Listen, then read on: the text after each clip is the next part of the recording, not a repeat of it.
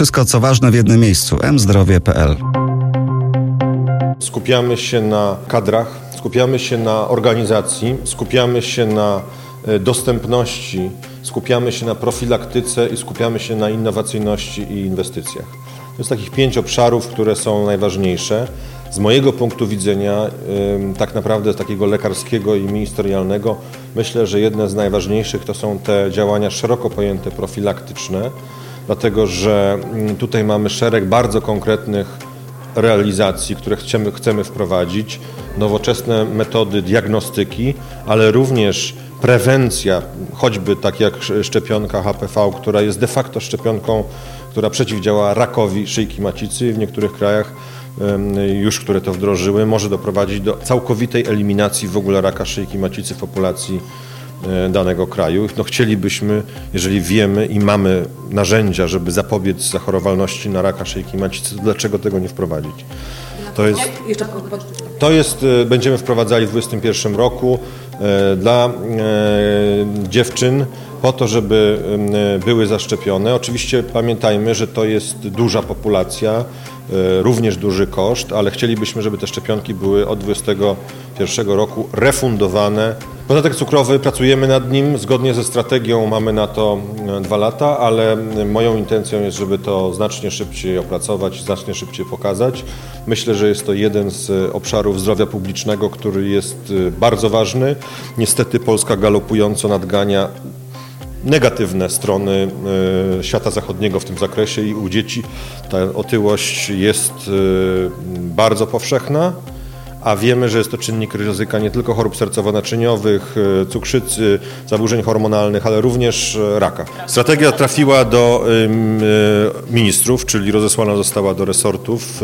Em, e, Ma uzyskany wpis w pracach rządu z numerem 1, czyli to pokazuje, że numerem jeden jest strategia onkologiczna, pół żartem, pół serio. Natomiast e, teraz będziemy mieli konsultacje międzyresortowe, potem wypuścimy dokument do konsultacji społecznych. Na pewno będziemy edukować. Mamy w, ty, w tym zakresie bardzo duże sukcesy w Polsce, bo proszę Państwa, zredukowaliśmy ilość palących osób do 21% z 30 kilku. To jest ogromny sukces, natomiast widzimy niestety bardzo ryzykowne zachowania, szczególnie wśród młodzieży, czyli e, zastępowanie w tej chwili niepalenia paleniem papierosów elektronicznych bądź podgrzewaczy tytoniu i potem e, może to skutkować, tak jak w innych krajach, e, wzrostem e, palenia tytoniu tradycyjnymi metodami. E, Na pewno kampanie edukacyjne, na pewno E, Bardzo duży nacisk będziemy kładli na taką współpracę edukacyjno-informacyjną, bo tak naprawdę tutaj jest najwięcej do zrobienia. No ale oczywiście również e, proponujemy e, no, dojście do poziomu akcyzy tak jak e, proponuje WHO, czyli to jest około e, 70%. W tej chwili z naszych analiz, jak analizujemy wszystkie akcyzy, to jest około 60%, więc wprowadzamy też, i to już robimy, wprowadzamy rejestry efektów w Narodowym Funduszu Zdrowia. I oczywiście to bardzo jest e, zadanie trudne i skomplikowane, bo nie chcemy wylać dziecka z kąpielą. Oczywiście jeżeli, e, chcemy wiedzieć, czy pacjent jest leczony skutecznie i jaki jest efekt tego leczenia po jakimś czasie. Najlepszym przykładem jest e, e, tak zwany KOS-zawał, czyli koordynowana opieka nad pacjentem po zawale serca. I tam wprowadzając koordynację osiągnęliśmy efekt redukcji śmiertelności w niektórych obszarach o 30% bez dodatkowego leczenia e, farmaceutykami ani innymi technologiami medycznymi. To jest niebywałą różnicą. Czyli wprowadzanie pewnego mierniku na końcu, jaki jest efekt naszych działań, pozwoli nam na racjonalne bardziej leczenie.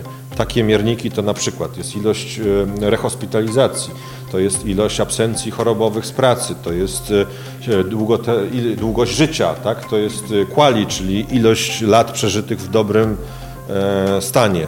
E, To jest też wiek, e, kiedy pacjent e, umiera. Znaczy to, to, to wszystko wchodzi w te wskaźniki. Oczywiście w onkologii one również muszą być wdrażane. W tej chwili wdrażamy to w kardiologii, wdrażamy w ortopedii, wdrażamy w leczeniu zaćmy.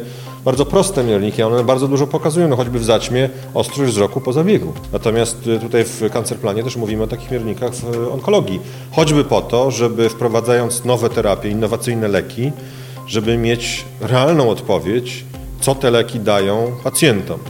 Bo wiemy, że z badań czasami te innowacyjne leki, które oczywiście są pewną nadzieją dla pacjentów, no niestety nie spełniają pokładanych w nich oczekiwań i, i efekt y, na, w postaci umieralności, y, dobrostanu nie jest aż tak dobry, jakbyśmy chcieli. W innych znowu mamy rewelacyjne wyniki, w związku z tym, y, no ale musimy je mierzyć po prostu.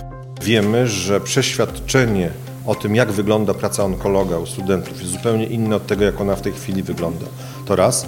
A dwa, ilość y, czasu, którą studenci poświęcają na onkologię szeroko rozumianą jest bardzo mała. W związku z tym tutaj będziemy musieli rozmawiać z y, rektorami y, uczelni medycznych, y, z Kraumem, po to, żeby jednak zwiększyć ilość czasu, którą studenci poświęcają na zagadnienia onkologiczne. Wiemy, że praca onkologa w tej chwili zmieniła się radykalnie. To jest de facto lekarz, który leczy pacjenta latami, a w najlepszych e, krajach pacjent, e, to lekarz, który prowadzi do wyleczenia pacjenta. W związku z tym wizja taka, że onkolog zajmuje się głównie pacjentami terminalnymi jest zupełnie nieprawdziwa.